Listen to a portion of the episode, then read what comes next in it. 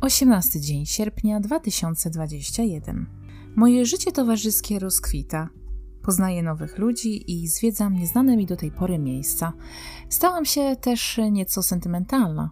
Lubię ten stan. O ile udaje mi się nie tęsknić za minionym i nie rozpamiętywać, być tylko tu i teraz, gotowa na wszystko, co ma wkrótce nadejść.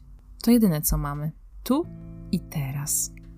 Zerwałam dzisiaj nockę z panem M. Gadaliśmy przeszło ponad trzy godziny. Czas naprawdę szybko zleciał, a potem nie mogłam zasnąć.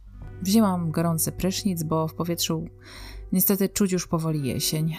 Prysznic o piątej nad ranem. Zapomniałam, jakie to uczucie. Przez głowę przemknęło mi kilka wspomnień. Powrotów do domu o wschodzie słońca, nocy poza domem, namiętnych poranków, pobudek w nieswoim łóżku. I ta wszechogarniająca cisza to zupełnie inny stan świadomości.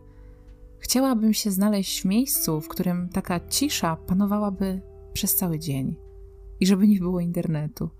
Ja, komputer i tworzenie. Szczęście. Zasypiałam z uśmiechem na ustach.